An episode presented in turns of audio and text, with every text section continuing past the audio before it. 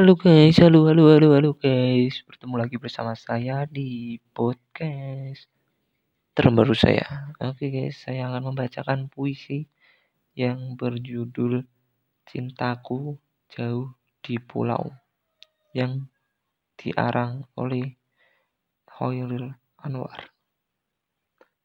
Oke guys, apa itu isinya? Ini guys ya yang bait bait bait bait pertama Isinya begini. Cintaku jauh di pulau, gadis manis, sekarang iseng sendiri. Perahu melancar, bulan memancar di leher, kukalungkan oleh-oleh buat si pacar.